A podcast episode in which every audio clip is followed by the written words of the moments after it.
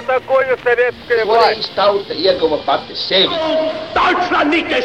Liktenīgas nejaušības un slēptas likumsakarības, subjektīvas patiesības un objektīvi aizspriedumi. Pēc atpūšņa nekad nenāk uzreiz pavasars, bet sākās Arī šodien cilvēki ir ļoti tūredzīgi. Viņi redz to naudu, kas ir. Televīzijā jau pamatā notiek cīņa par varu. Pagātne no šodienas skatu punkta un šodienas caur pagātnes prizmu. Raidījumā šīs dienas acīm. Katru svētdienu Latvijas radio eterā Eduards Liniņš. Labdien, cienījamie klausītāji!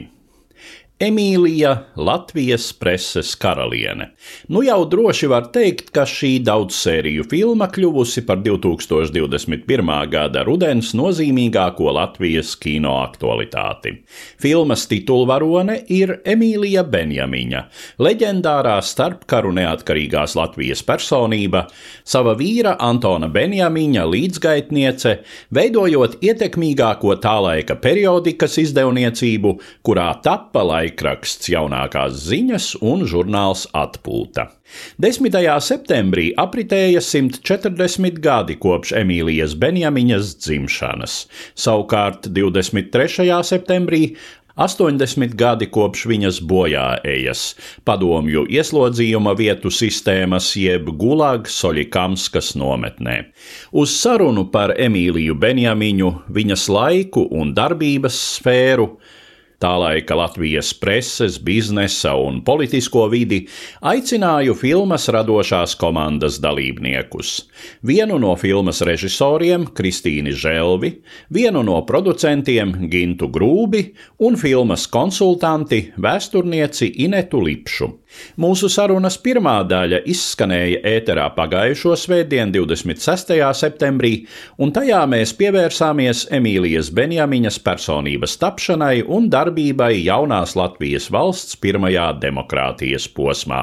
Šajā raidījumā savukārt par Emīlijas Benjamiņas mūža pēdējiem gadiem, kas aizritēja Ulmaņa autoritārisma posmā un traģiski aprāvās Staļiniskā okupācijas režīma varā. Katru to sēriju, kas arī ir izsnāca citā laika posmā, tā varēja būt vesela sezona pie citiem apstākļiem, kur tiek paralēli vēl vairāk attīstīti gan Vīlis Lācis, kas ir vesels stāsts, gan, protams, Kārlis Skalbi, Jūlijas Lācis, pārējie redakcijas darbinieki. Šobrīd tas tiešām ir ļoti kompresētā veidā. Arī ar aktieriem mēs par to runājām, ka viņi ir tādi Emīlijas galms. Jo karalis pats sevi nospēlēt nevar, tad attiecīgi karali nospēlē viņa gāmas, un viņa tās personīgās biogrāfijas, nu viņas paliek kaut kur aiz kadra, viņi to zina savās galvās, ekrānā tas uh, tiešā veidā neparādās. Šis galma moments un tas, kā Emīlija filmā parādās, pieļauju diezgan adekvāti, ka viņa patiešām prata valdīt pār dažādajām un, un arī gan ambiciozajām personībām. Tiem ļaudīm jau arī bija gan sava literārā reputācija, gan dažiem savs politiskais kapitāls. Nu, ar saimas deputātu jau nemaz tā vienkārši nepamanipulēsi. Nu, runājot par šo jaunāko ziņu atpūtas redakciju, faktiski jau ejot uh, tuvāk Emīlijas Benjamiņas mūža noslēgumam, tiem pēdējiem gadiem, kas ir vispirms Ulmaņa autoritārais režīms un tad pavisam dramatisks fināls 1940. un 41. gadā. Redakcija, šī vienība ir bijusi iesaistīta, visnotaļ iesaistīta politikā un dažādos līmeņos un teiksim, dažādā redzamības pakāpē. Kāds veidojas tas priekšstats, un vai mēs varam dot klausītājiem zinām priekšstatu? Nu, ja mēs to salīdzinām ar šī brīža mēdīju situāciju, cik liela bija vispār jau demokrātiskās Latvijas periodā šī politiskā angažētība? Tādam izdevumam. Nu, jaunākās ziņas tika pozicionētas kā bezparteisks izdevums, atšķirībā no daudziem citiem, iespējams, pat faktiski te jau visiem citiem. kas tajā laikā iznāca. Jaunākās ziņas varbūt pašas sevi tā pozicionē, bet faktiski jau viņas e, strādāja centriskās pozīcijās. Respektīvi, ja mēs skatāmies divas lielākās partijas Latvijas parlamentā, tad Latvijas Zemnieku savienība un Sociāldemokrātu partija, tad e, tās bija jaunākām ziņām nu, tie kritizējamie objekti, varētu tā teikt, un kas ir arī diezgan saprotams par Latvijas Zemnieku savienību, kas piedalījās eh, visās Latvijas valdībās un, var sakot, vienmēr bija pozīcijas partija. Bet tā politiskā angažētība, neviens jau to tā nav pētījis. Protams, ka no tiem pašiem memoāriem mums saka, ka no jaunākās ziņas varēja gāzt un iecelt ministrus un valdības. Nu, kaut kāds pamats jau tam varētu arī būt. Jo atcerēsimies, ka to raksta pat Kārlis Ulmanis citādā frāzējumā 42. gadā, kad viņš ieslodzījumā čekas uzdevumā raksta tā teikt Latvijas valsts pagātni viņa vadībā. Ja? Un tur viņš arī piemin Benjamiņus, jo viņam tiek uzdots arī jautājums čeku interesē, kas tad Antons un Benjamiņi, kāda ir viņa pozīcija tā laika politiskajā vidē, un Ulmanis raksta, ka viņi nekad nav bijuši saistīti ar idejisko, ar misijas apziņu un tā tālāk, ka viņiem ir interesējušas vienmēr šīs finansiālās lietas, saimnieciskais un tam līdzīgi. Un kā viņš arī raksta, ka pie viņiem salonā ir viesojušies daudz un dažādi ministri, bet viņš tur nekad nav bijis. Un, respektīvi, mēs varētu teikt, ka jaunākajām ziņām neapšaubām bija ietekme, un viņi to ir realizējuši caur šīm mazajām partijām, kas bija arī Demokrātiskā centra partija, bet, kā mēs zinām, arī mūsdienu politikā tieši tiem mazajiem ir tas zelta mandāts, kurš izšķirs būs tā valdība vai nebūs, un vai viņi gāzīsies vai viņi turēsies. Tādā ziņā, protams, jaunākās ziņas bija spēlētājs arī ar šīm publikācijām par korupcijas apkarošanu, kas būs arī seriālā viena tāda zīmīga epizode par viltoto svērkociņu līguma prāvu vai ne, ko apraksta arī Jānis Kārkliņš savās atmiņās.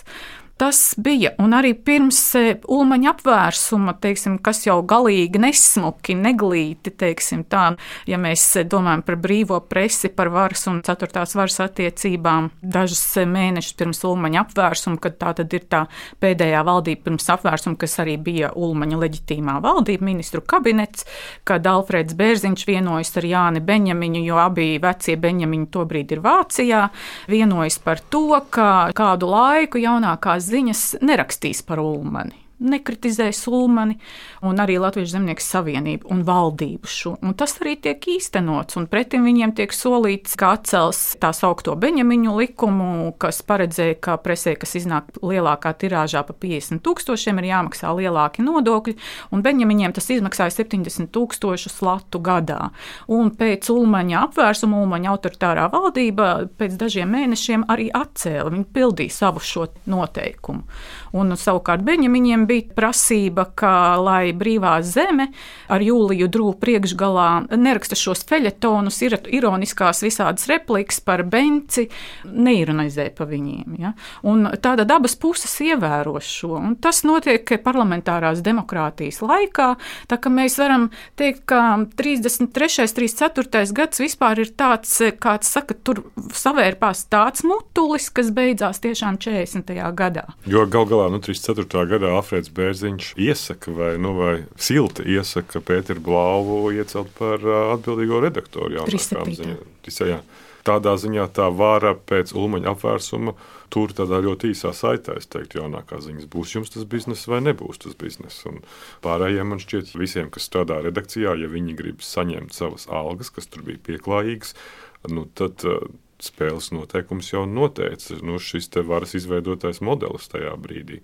Ārlietu ministrs Vilhelms Munters arī dienas grāmatā ierakstīs, ka dažas dienas pēc apvērsuma sarunājies ar Beņģamiņu Jāni.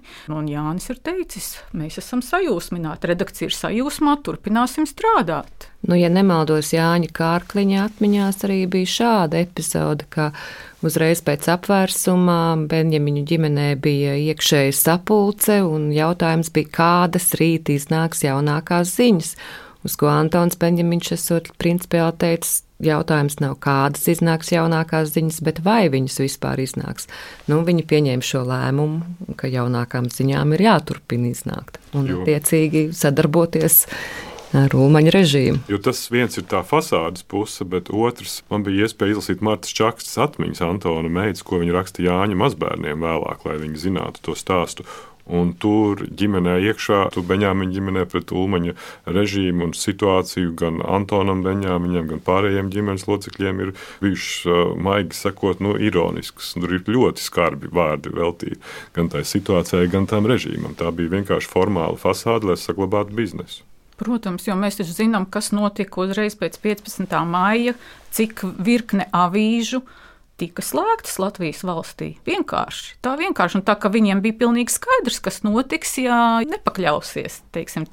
Un šī ironija, ko Gins tikko pieminēja, es domāju, ka tas ārkārtīgi daudziem tā laika nu, bijušajiem politiķiem, sabiedriski pazīstamiem cilvēkiem un tā tālāk iekšā gruzdēja. Un tas arī izskaidro, piemēram, 40. gada pašā sākumā, šķiet, ka tas ir 18. janvāris, 40. gads, ka ir vesela plejāde cilvēku, tajā skaitā Jānis Beņamiņš, Pēteris Blaus, kas e, iesniedz lūgumus uzņemt viņus kultūrālas tuvināšanas biedrībā ar SPRS tautām. Saprotiet, tas, ka mēs savērpjam kopā šos faktus dažādus, tas viss atvedinās no šī, es teiktu, un tas ir mans personīgais riebums pret šo autoritāro režīmu. Jo paskatāmies, Kārlis Skalbis, es, es vairs neatceros atmiņās par Kārli Skalbi, ir viena epizode par juristu Kārli Dišleru, kurš, kā mēs zinām, leģitimizēja teorētiski autoritārā režīmā Ulmaņa izdarīto apvērsumu, tā teikt, bez uzdevumu lietvedību ticība, to tā juristu valodā sauc.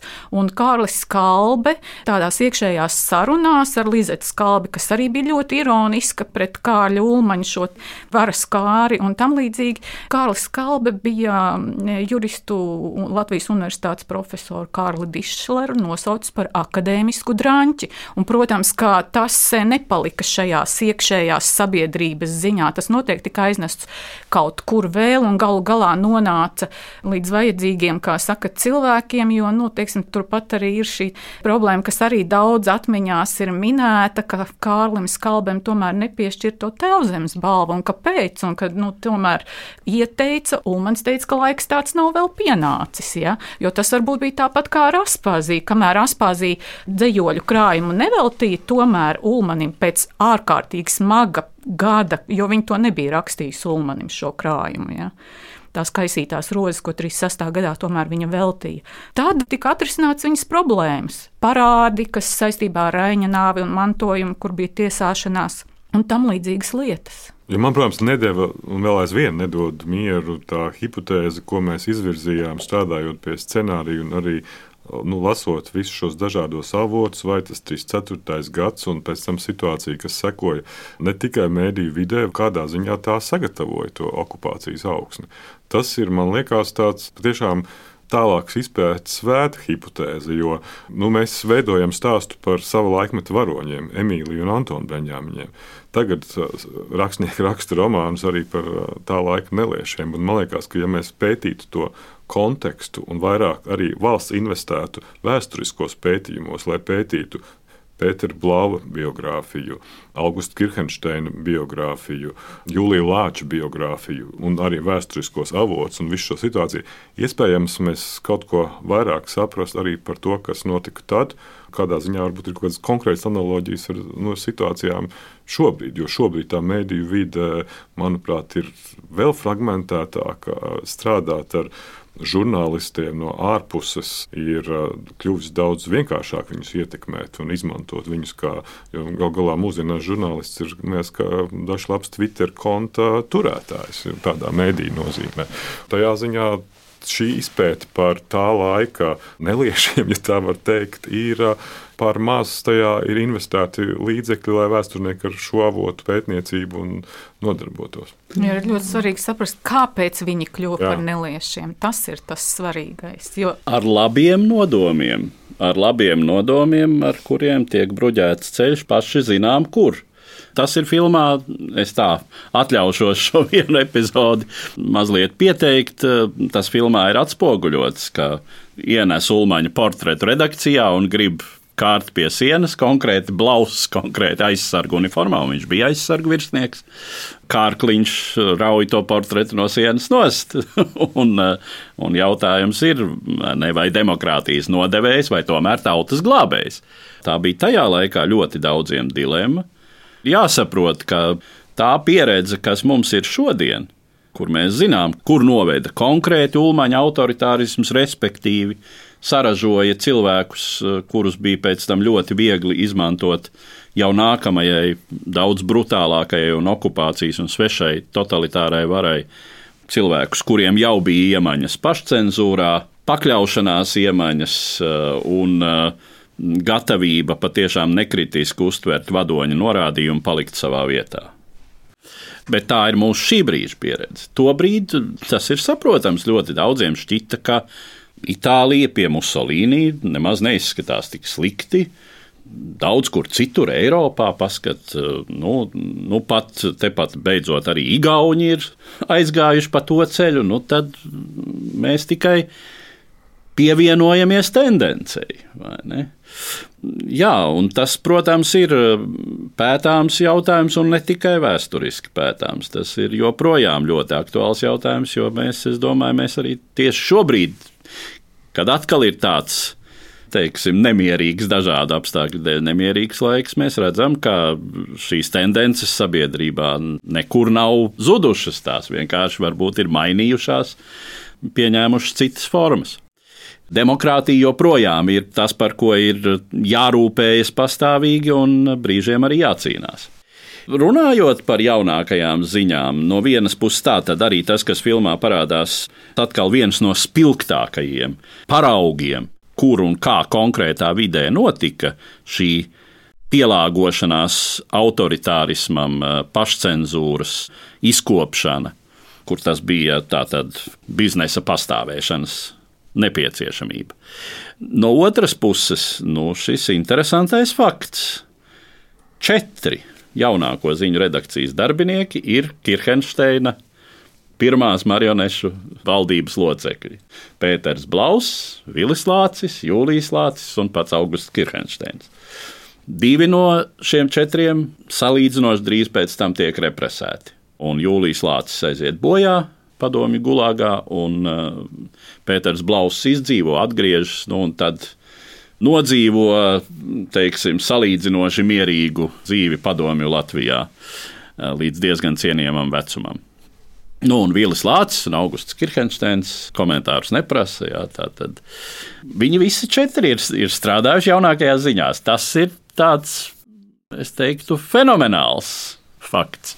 Ko mēs par to varam teikt? Es domāju, ka savā ziņā to noteica šo cilvēku piederība, tieši darbs lielākajā medijā, un kas e, tolaik tiek uzskatīts, ka tam ir lielākā ietekme, tam ir lielākā tirāža 200 tūkstoši. Tirāža un šī ietekme arī starptautisko žurnālistu vidē. Tāpat atmiņās tiek rakstīts, ja kādam no šiem žurnālistiem vajadzēja ātri saprast, kas ir kas Latvijā, kas ir kas Latvijas politikā, tad viņi, kā saka, draudzējās ar jaunāko ziņu redakcijas cilvēkiem. Tas pats attiecināms savā ziņā uz Krievijas vēstniecību. Padomju Savienības vēstniecība, es domāju. Tas, ka viņi nāk no jaunākajām ziņām, tie ir savā ziņā, nu, teiksim, es nezinu, kas mūsdienās ir tādi ietekmīgi viedokļu līderi vai kurus kāds uzskata par tādiem. Ja mēs skatāmies tādus faktus, nu, tad tiešām jaunākās ziņas ietekmīgas ar to savu tirāžu, piekļuvi politiķiem un tam līdzīgi.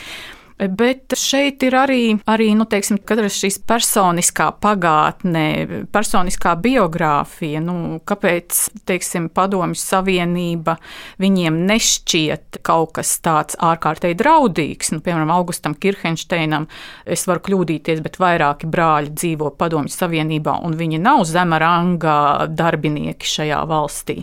Un nav arī nošauti 37. un 38. gadā. Nu, redz, par viņu, ja mēs skatāmies literatūrā, literatūrā, ko ir rakstījuši pētnieki, kas labāk zina šo vēsturi par viņu, ir izteikts tāds viedoklis, ka tikai 33. un 34. gadā Padomu Savienības sūtniecības darbinieki ziņo uz Maskavu, ka Kirhensteins varētu būt nu, teiksim, mūsu cilvēks, ne, ar kuru varētu strādāt.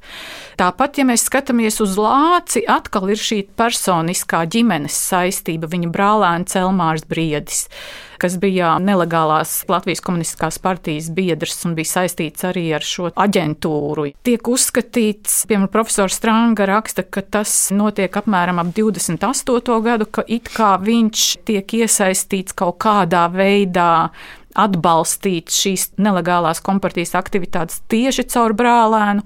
Kaut gan nu, tajā pašā laikā mums ir arī ziņas, ka vēl tikai pēc otrā pasaules kara vai, nu, vārdu sakot, 40. gados tikai tika atzīta Viljam Lācim, kas viņa pensijai vēlāk bija svarīgi, šī saistība ar padomju pagātni e, no 28. gada, jo visu laiku tika rakstīts tikai šis 40. gads, ka viņš ir saistīts ar padomu, ar kompartiju un tam līdzīgi.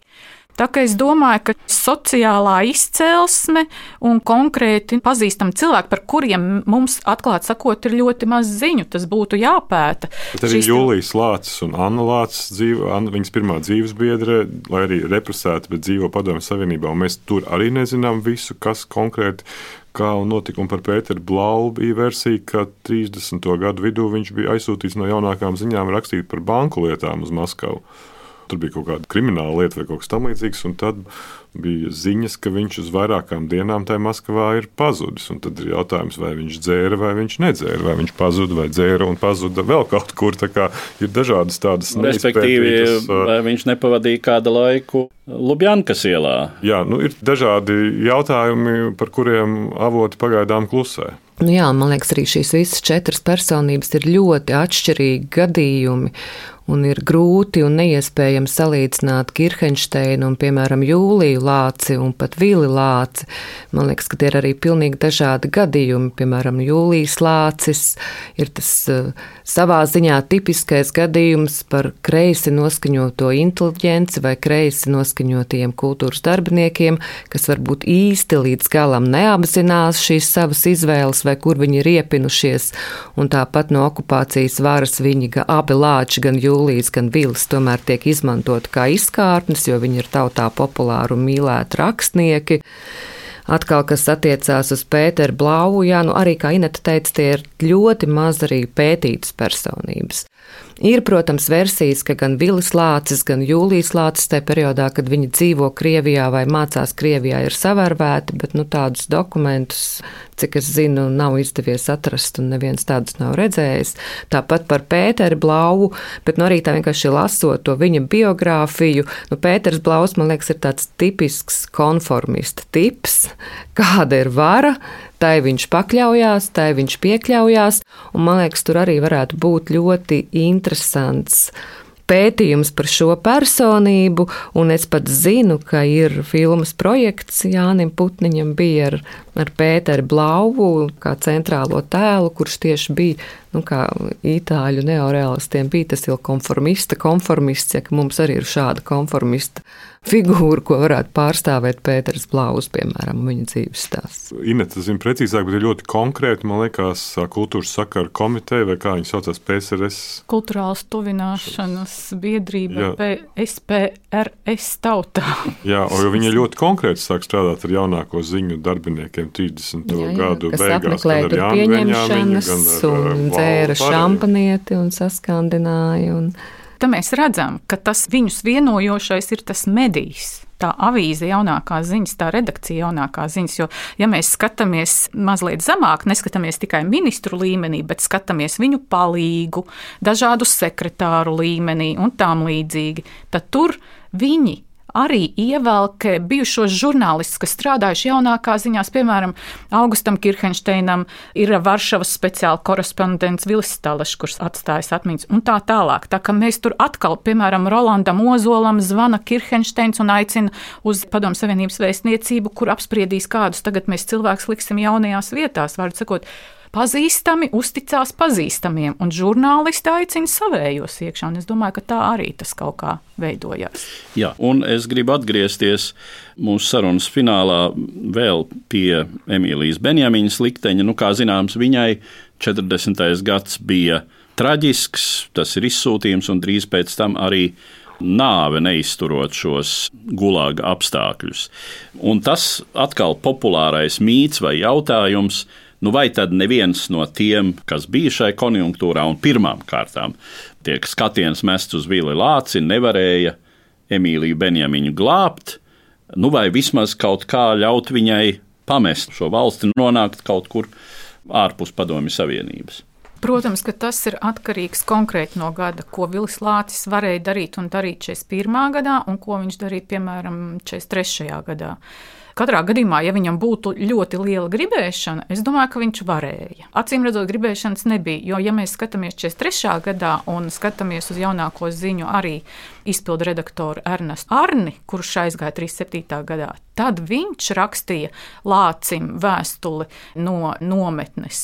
Un Lācis to palaida tālāk, un bija lēmums, ka atbrīvot Ernestu Arni no izsūtīšanas vietas, balstoties uz jau izciestu to teiksim, laiku, bet e, nelaimīgā kārtā Arnis e, uz to brīdi bija paspējis nomirt. Bet, e, tātad Lācis dažiem cilvēkiem mēģināja palīdzēt, bet Emīlijai viņš nemēģināja. Jā, nu ir zināms, ka arī filmā ir stāsts par to, kā Emīlija dodas pie Viļa Lāča, bet ir zināms, ka pie Viļa Lāča devās arī Kārlis Skalbe lūgumu palīdzēt tajā pašā periodā. Kārlis Kalba Vilas Lācis atšķirībā no Emīlijas Beņāmiņas ir pieņēmis un viņam palīdzējis. Pēc tam gan arī vēlāk, kad Skalbi, kad ir tuvojušies vācieši, gribējis bēgt. Lācis viņam ir arī piedāvājis bēgt kopā uz Krieviju, Kārlim Skalbēm, bet uh, Skalbi teica, ka jā, bet viņam jābēg kopā ar visu viņa bibliotēku. Tas, diemžēl, nenotika, un uh, Kārļa Skalbs liktenis izvēlējās pavisam savādāks. Bet uh, tā iespēja Vilim Lācim palīdzēt man šķiet bija. Bet vēlēšanās, acīm redzot, nebija. Īsa atbild uz jautājumu, kāpēc Emīlija Benjamiņa nemēģināja aizbēgt, kas iespējams viņai bija tāds variants. Nu, es zinu viņas māsas mazdēla stāstu par to, kā Anna Simpsone, kas bija saistīta kā aktrise ar Geringa sievu, kur arī šķiet bija aktrise.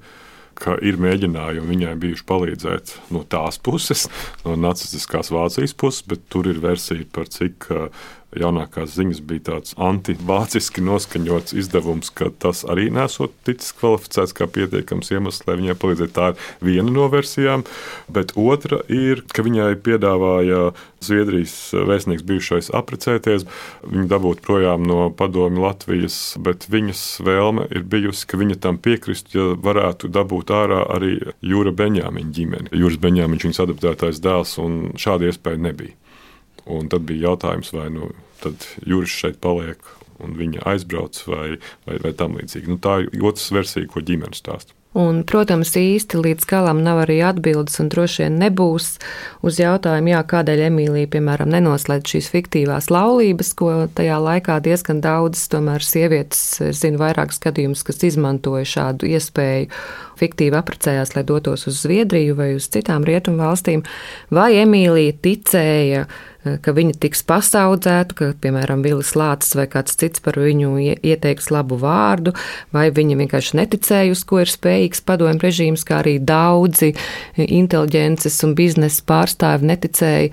Nu, tā kā uz šiem jautājumiem īsti, nu, man liekas, tādas vēsturiskas atbildes nav, un man liekas, arī īsti nebūs. Un te atkal pavarās tā mākslas teritorija, kurā mēs varam runāt un meditēt un izskatīt šos dažādos jautājumus jau no atkal kaut kādas tādas mākslas perspektīvas. Ar to es arī gribu noslēgt mūsu sarunu, kas bija veltīta Emīlijai Benjamiņai, kopš kuras dzimšanas nu pat apritēja 140 gadi, un es saku paldies maniem sarunbiedriem, filmas Emīlija Latvijas preses karaliene radošās komandas dalībniekiem, vienai no filmas režisoriem Kristīnai Želvei, vienam no producentiem Gintam Grūbem un filmas konsultantei vēsturniecei Inetai Lipšai. Paldies!